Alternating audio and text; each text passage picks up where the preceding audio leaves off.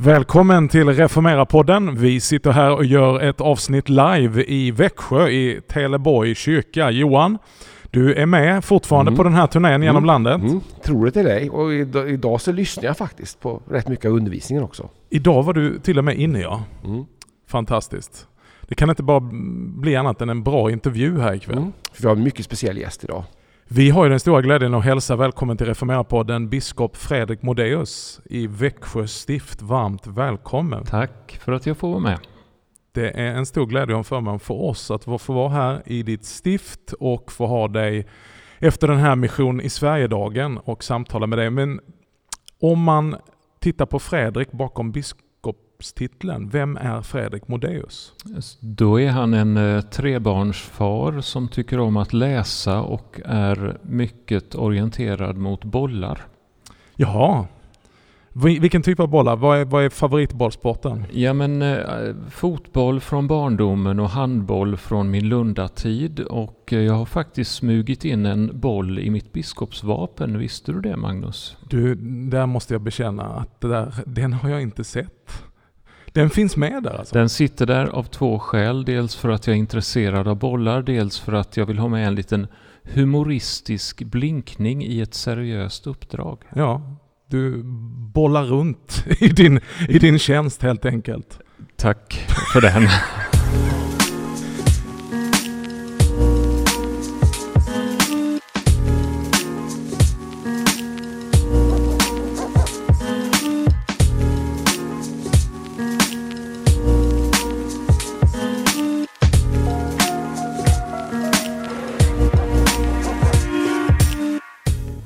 Biskop.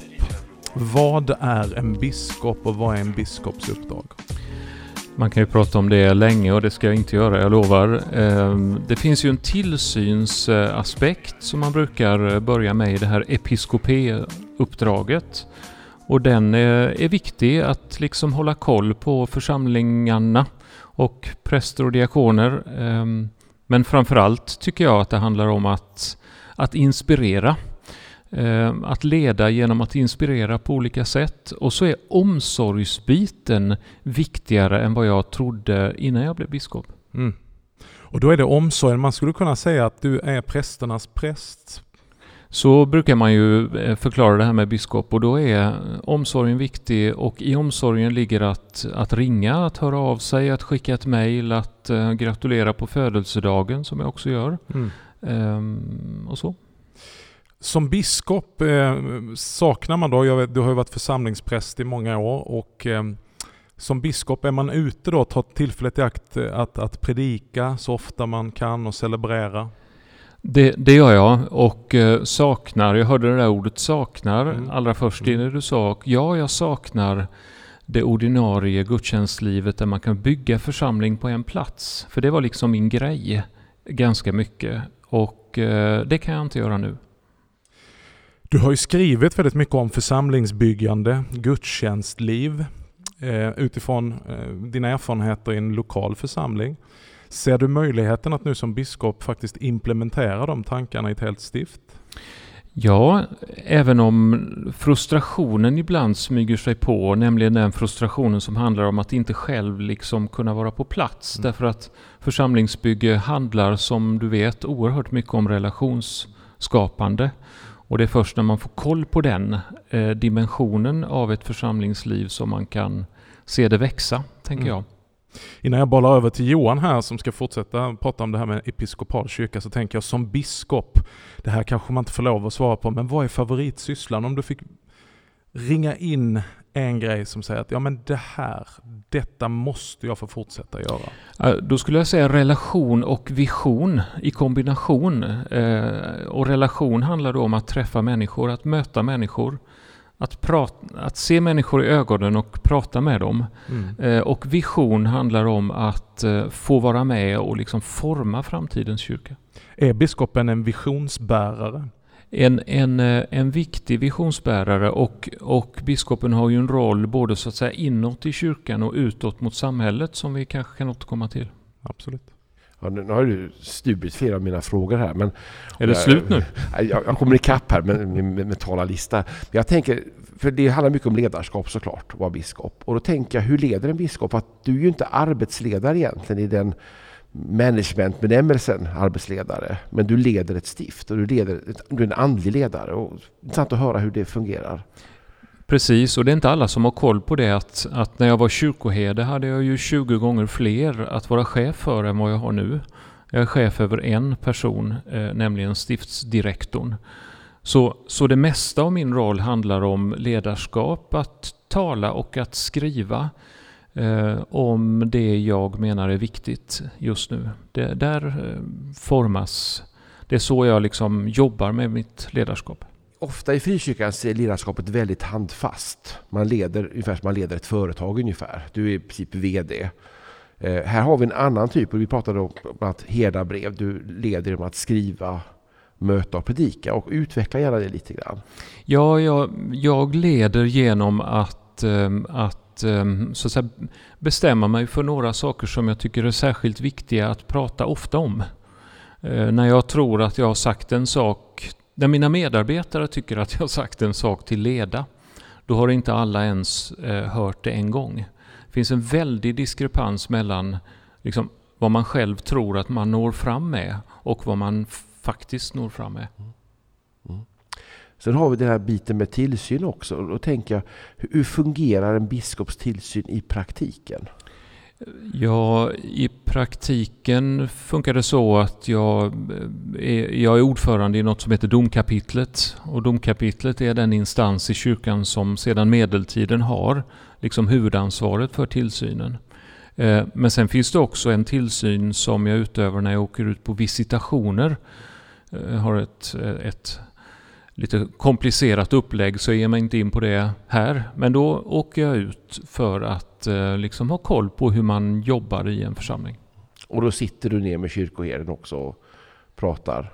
Ja, igenom. det är som sagt ett långt förlopp där jag kommer in i slutändan för att binda över mellan eh, kollen av församlingslivet och framtiden. Det är tanken. Att jag ska liksom få ta del av resultatet och kunna spinna kring det och binda över eh, in mot församlingens framtid. Mm. Jag tycker det här är intressant, eh, biskop Fredrik. Biskopen som visionsbärare för kyrkan, också som en enhetens symbol. En, en representant för vår kyrka helt enkelt. Och därför skulle jag vilja styra in frågan på Svenska kyrkan, vår kyrka här i Sverige. Det är ju unikt. Här har vi en kyrka som i kontinuitet har stått här sedan evangeliet kom till vårt land. Var vi än kommer, om vi är ute på landet i en bysucken eller om vi kommer till de stora städernas stadsdelar så kan man räkna med att där finns Coop, där finns Systembolaget och där finns Svenska kyrkan. Var vi än tittar så ser vi ett kyrktorn som sträcker sig mot himlen. Vilka enorma möjligheter! Men också vet vi ju att det finns stora utmaningar, inte minst i den här tiden. Om du skulle börja tala i två delar om kyrkans stora utmaning. Det är det som det är lite knixligt nu 2020 och framåt vad du säger. Men att vi också får landa i de stora möjligheterna. Mm. Nej, men jag tänker att utmaningen ligger mycket i det som man brukar tala om som, som att vi lever i en sekulär tid. Sekulariseringen, med det ordet brukar man ju mena Ja, man kan ju mena olika saker med det, men jag tänker om sekulariseringen att det är någonting som har den har en positiv sida på det sättet att den har gjort människor fria att tänka själva och välja själva. Det finns inte längre en auktoritär kyrka som eh, bestämmer vad man ska tycka och tro. Men det här med den sekulära tiden och den djupa ravinen som finns mellan mellan det sekulära och det religiösa. Där har vi ett enormt arbete att göra. Mm. Och då handlar det, om jag får börja där, inte bara om den kristna kyrkan och den kristna tron, utan det handlar om synen på vad det religiösa och det sekulära är. Just det. Och vad, vad tänker du, hur, hur möter man en sån utmaning? Vad är det viktigaste vi gör då för att svara mot det? Ja, jag, jag, jag, tror att vi behöver, vi behöver tala om religion på ett sätt som gör att människor upptäcker att religion är något mycket ursprungligt i, mm. hos en människa. Därför att den, det sekulära konceptet försöker ju hela tiden tala om att de religiösa är naiva och att uh, upplysningstiden gjorde att vi borde ha lämnat det där bakom oss. Mm. Och att uh, vi håller på med sagor och fabler och sådär. Så, uh, och, och, så, och, och där är det viktigt att det är viktigt att binda över på olika sätt så att eh, religion inte blir något konstigt utan något djupt mänskligt som vi ju alla här inne menar att det är. Ja, där tänker jag att våra nysvenskar har hjälpt oss. Eh, att vi lever i ett samhälle idag där vi har fullt med människor som har tagit med sig sin religion, vilken det nu än är, och tycker det är helt naturligt att praktisera den och leva ut den. Och därför det, har det varit i debatten så viktigt för mig att, att få att liksom ta debatten om religion och religiösa uttryck i offentligheten. Mm.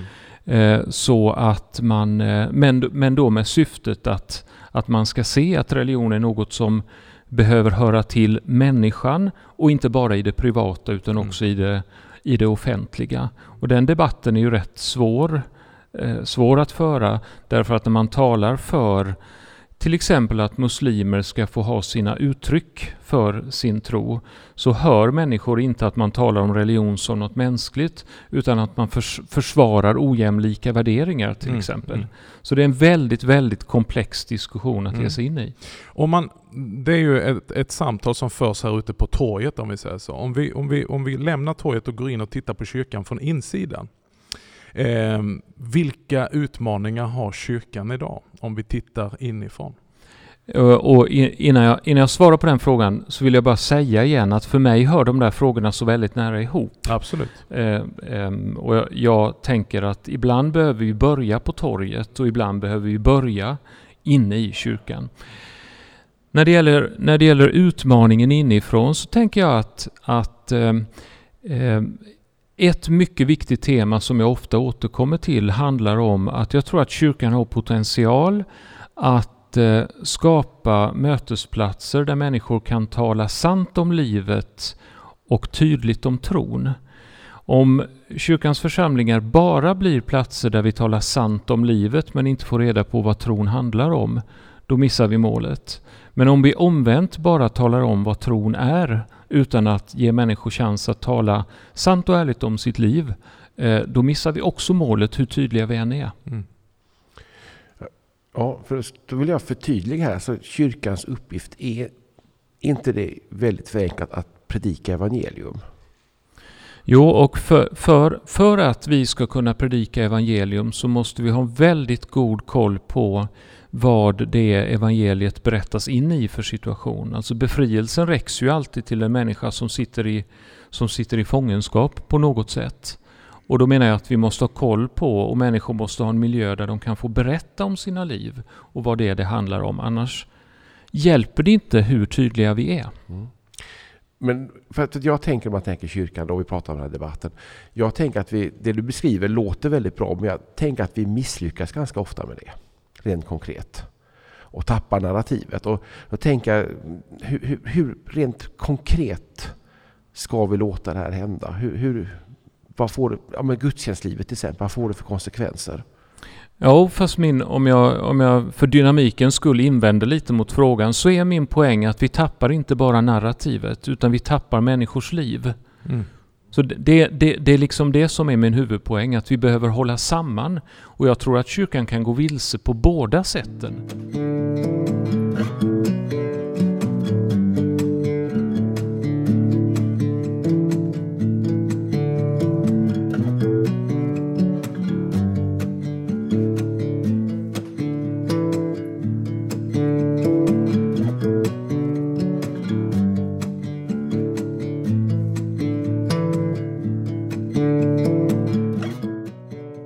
Biskop Fredrik, du lever i ett stift och verkar i ett stift där eh, eh, färre och färre blir prästvigda. Vi har en prästbrist som breder ut sig i hela landet. Vad beror detta på? Hur ska vi lösa detta? Just nu i, i Växjö stift är det, det är fler som vill bli Jag upplever att jag bara säger emot era Ja, frågor. Det är, hemskt det blir bra, oartigt. men jag, men det, just nu i år är det fler än någonsin som vill bli präster och diakoner. Vi har varit tvungna att fördubbla vår, det vi kallar för antagningskonferenser. Det är ju ett underbart bönesvar.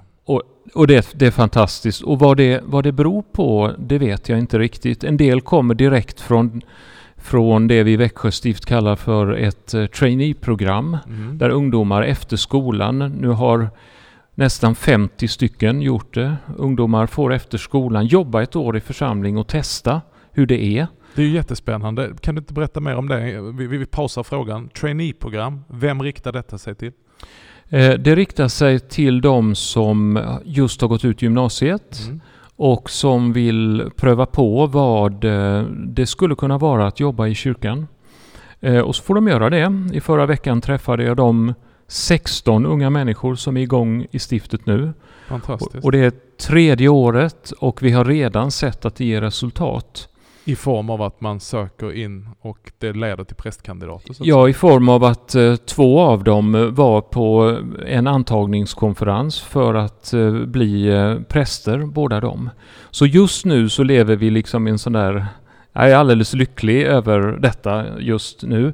Men du, det du lyfter är ju ett, eh, ett, ett, ett, ett stort problem så att säga. Och jag menar att vi måste möta det problemet med aktiva satsningar av olika slag. Det här traineeprogrammet är insatt i ett större program som vi kallar för framtidstro, som är tio, tio stycken motsvarande satsningar för att få människor att pröva sin kallelse, bli nyfikna på vad det skulle kunna vara att vara i kyrkan.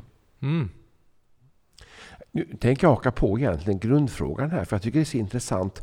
Om jag ska tolka det du säger, då tänker jag att då måste också kyrkan rymma en mängd av fromhetstraditioner för att kunna möta det här du beskriver. Mhm. Och, och, och det är en av utmaningarna. Och då kommer vi in på poddens egentligen helkyrklighetstema hela tiden. Precis. Och hur, hur rymmer kyrkan den här mängden? Vi tycker ju om Mm. att ta bilden av katedralen. Det är en vacker bild med den gamla kyrkan som du känner till bättre än oss Fredrik. Katedralen som har sitt högaltare centralt placerat. Där sker högmässan. Men vid sidan så finns det en mängd sidoaltare, sidokapell. De här kapellen finns innanför kyrkans rymliga valv, eller katedralens rymliga valv. När olika förnyelsetider som kyrkan behöver har kommit så har det av olika skäl ibland lett så att de här kapellen, de har flyttat ut ur katedralen. Ibland nödgade till det, kyrkan vill inte ha dem. Och det har blivit frikyrkor. Eh, vi drivs ju av en vision att kapellen ska finnas i katedralen. Eh, på det viset så blir kapellen eh, står i kontinuitet med kyrkan och får ösa ur kyrkans rikedom. Men på samma sätt kan också kapellen renodla en, en specifik fromhetstradition och berika hela den stora kyrkan eh, med andligt liv. Och för att inte bli långrandig här nu, men vi står ju i en, en sådan rörelse och verksamma EFS, en missionsrörelse inom Svenska kyrkan. Om vi talar lite grann om det. Hur, hur kan EFS beredas utrymme och hur kan EFS vara ett verktyg i den situationen kyrkan befinner sig idag? Ja, först av allt vill jag säga att jag tycker om eh, bilden och eh, om man ser det utifrån folkkyrkans synvinkel så är ju folkkyrkan en eh, så att säga bred konstruktion av historiska men också teologiska skäl. Eh, och om man tänker på biskopens uppdrag som det man brukar kalla för pontifex, alltså det här med att binda samman och bygga broar. Eh, Den bilden finns också i mitt biskopsvapen strax ovanför fotbollen. Eh, Så, så ehm, är ju både, både i folkkyrkan och för mig som biskop är ju detta en, en, en väldigt, väldigt viktig bild. Mm.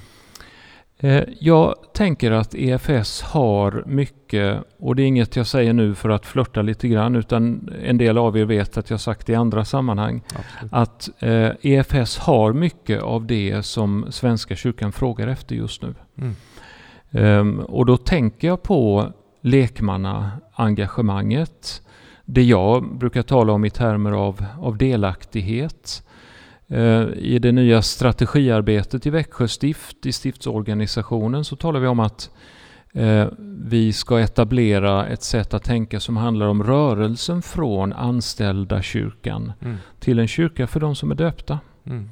Och Jag menar, och det är ju öppet mål. Här Mm. finns ju EFS med hela sitt DNA Mm. i detta arbetet. Så det tänker jag är det viktigaste. Ja, men det, det är spännande. Eh, Behövs det mer än EFS? Jag tänker ibland, vi pratar om de här sidokatedralerna, vi fungerar här som en, en orden brukar jag säga inom Svenska kyrkan. Men vad skulle du se behövs mer från oss? Jag har mer från EFS-rörelsen. Mm. Eh, Jag tycker att det finns en, förutom lekmannaengagemanget och delaktighetstematiken, så skulle jag säga att troheten till den gudstjänstfirande församlingen Mm. är ett annat tema som också är helt i linje med det Svenska kyrkan behöver nu. Och det säger jag inte heller bara nu, utan det har jag pratat om i 20 år Mm. ungefär. Alltså, ehm, om vi ska kunna göra något så behöver det finnas vitala gudstjänstfirande gemenskaper som består av döpta kristna som på olika sätt eh, själva känner ett engagemang eh, för att det är vi som är kyrka. Mm. I Växjö stift har vi en fortbildningsvecka eh, just nu. Imorgon bitti håller jag ett eh, litet sånt där inspirationstal över temat Jag är kyrka. Mm. Alltså den identiteten hos varje bra. människa. Mm. Det här eh, stämmer ju väldigt överens med, med, med hur vi tänker hur, hur EFS kan fungera. Men ibland så kan ju då man reagera tillbaka och säga så här att ja, ni betonar lekfolket och med all rätta. Eh, men då tänker man att okej, ni, ni, ni behöver volontärer nu in i kyrkan och FS är duktig på det. Men om man tänker på att odla fromhetstraditionen, olika uttryckssätt och så vidare. Jag tänker ju att Svenska kyrkan har ett fantastiskt läge att under sina rymliga, vida, höga valv egentligen samla en mängd olika eh, spiritualiteter, om vi använder det uttrycket. Du har en biskopskollega i Stockholm som talar om pankyrklighet. Vi använder uttrycket helkyrklighet, att det här att ösa ur olika traditioner. För vi lever ju i en tradition som är ganska rotad och fast men ändå generös. Och där kommer ju bilden av katedralen med dess många valv, eh, eller dess många sidokapell in. Jag tycker om den bilden och, eh, och Svenska kyrkan har eh, möjligheten att vara en kyrka som rymmer många olika fromhetstraditioner. Sen är det självklart så att det finns sådant som principiellt skulle kunna hamna utanför. Det är inte så att den jag menar, den, den, breda generösa folkkyrkan behöver också ha någon form av eh, ut, utan gränser förlorar man sin identitet Ja. så att säga, så flyter man bara ut. Mm. Men, men många små kapell, många fromhetsriktningar och då måste alla vara beredda att säga du är annorlunda än jag. Du ser ut på ett annat sätt än jag. Du tycker och tänker och tror och utövar din tro på annat sätt än jag. Och det är, det är okej. Mm, mm. Ska vi gå in på kyrka post-corona när vi ska eh, dra ihop det här avsnittet? Du sa något väldigt klokt här när vi, när vi eh, pratade lite innan över kaffet. Tre stycken ord du använde som är viktiga att ta upp nu när vi lever i den här mellantiden eller vad det nu är. Ja, jag har själv eh, jobbat mycket med orden lämna, bevara och erövra. Mm. eh, och tycker de är bra. Eh, somligt behöver vi lämna. Och, och annat behöver vi bevara. Och som jag pratade med någon om här i, i pausen. Det kan vara så att det inte är det vi riktigt tror som vi behöver bevara. Utan vi märker, tiden som vi lever i nu gör att vi märker att detta är viktigt. Och då behöver vi förfina och fördjupa och satsa där. Och sen är den där utmaningen som är så lätt att prata om och svårare att göra, att erövra. Att, att liksom se var finns de nya yt ytorna? Hur vågar vi? Hur testar vi? Hur prövar vi oss fram? Mm. Ehm, men, men de där tre orden har jag upplevt i de sammanhang där jag pratat med eh, människor under den här tiden att de är kreativa. De Mm. är bra. Det händer någonting när man pratar om dem. Eh, Mycket bra avslutning. Men jag har en fråga som jag har fått här i vårt, vårt samtal. Och det är med heraldiska vapen. Det är ett biskopsvapen. Hur går det till när, när man blir biskop och får, välja sitt vapen? Kan du inte bara berätta kort om Då har man, processen? då har man, man har stiftsvapnet i det heraldiska vapnet och sen några egna symboler och då har jag Lammet, Guds lamm, Kristus från min barndoms kyrka. Jag har fotbollen som en humoristisk blinkning. Jag har bron som en Ölandsborna vill gärna att det ska vara Ölandsbron och då går jag med på det. Men det är ju Pontifexbron så att säga, att, att binda samman och några saker i den. Man väljer helt enkelt själv vad man vill ha med där. Och så sitter en heraldiker och ritar här åt dig då till du är nöjd. Och så kopplar man ihop det med eh, biskopsmottot. Eh, mottot. Och i mitt fall är det, och det blir ju fint att avsluta med, Guds nåd är allt du behöver. Amen. Underbart. Biskop Fredrik, vi vill tacka dig så jättemycket för att du vill vara med här som avslutning på Mission i Sverige och komma ut i podden. Vi tackar Gud för dig och vi kommer att lova att fortsätta be för dig. Tack för att du är en brobyggare och tack för att du är en dörröppnare. Och Gud välsigne er och EFS. Tack. Ja du Johan, Ja, det var ett spännande avsnitt och en del väldigt bra ord med oss tänker jag här. Ja, jag tyckte det var väldigt spännande eh, och inte minst det här med biskopsvapnet.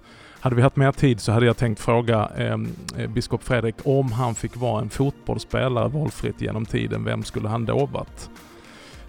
Någon i Malmö FF, då blir väl du glad? Nu är det färdigt. Ja, vi, vi, vi kanske börjar införa vapen i EFS också. Vi har ju logotyper där. Vi kanske skulle börja titta på det där med...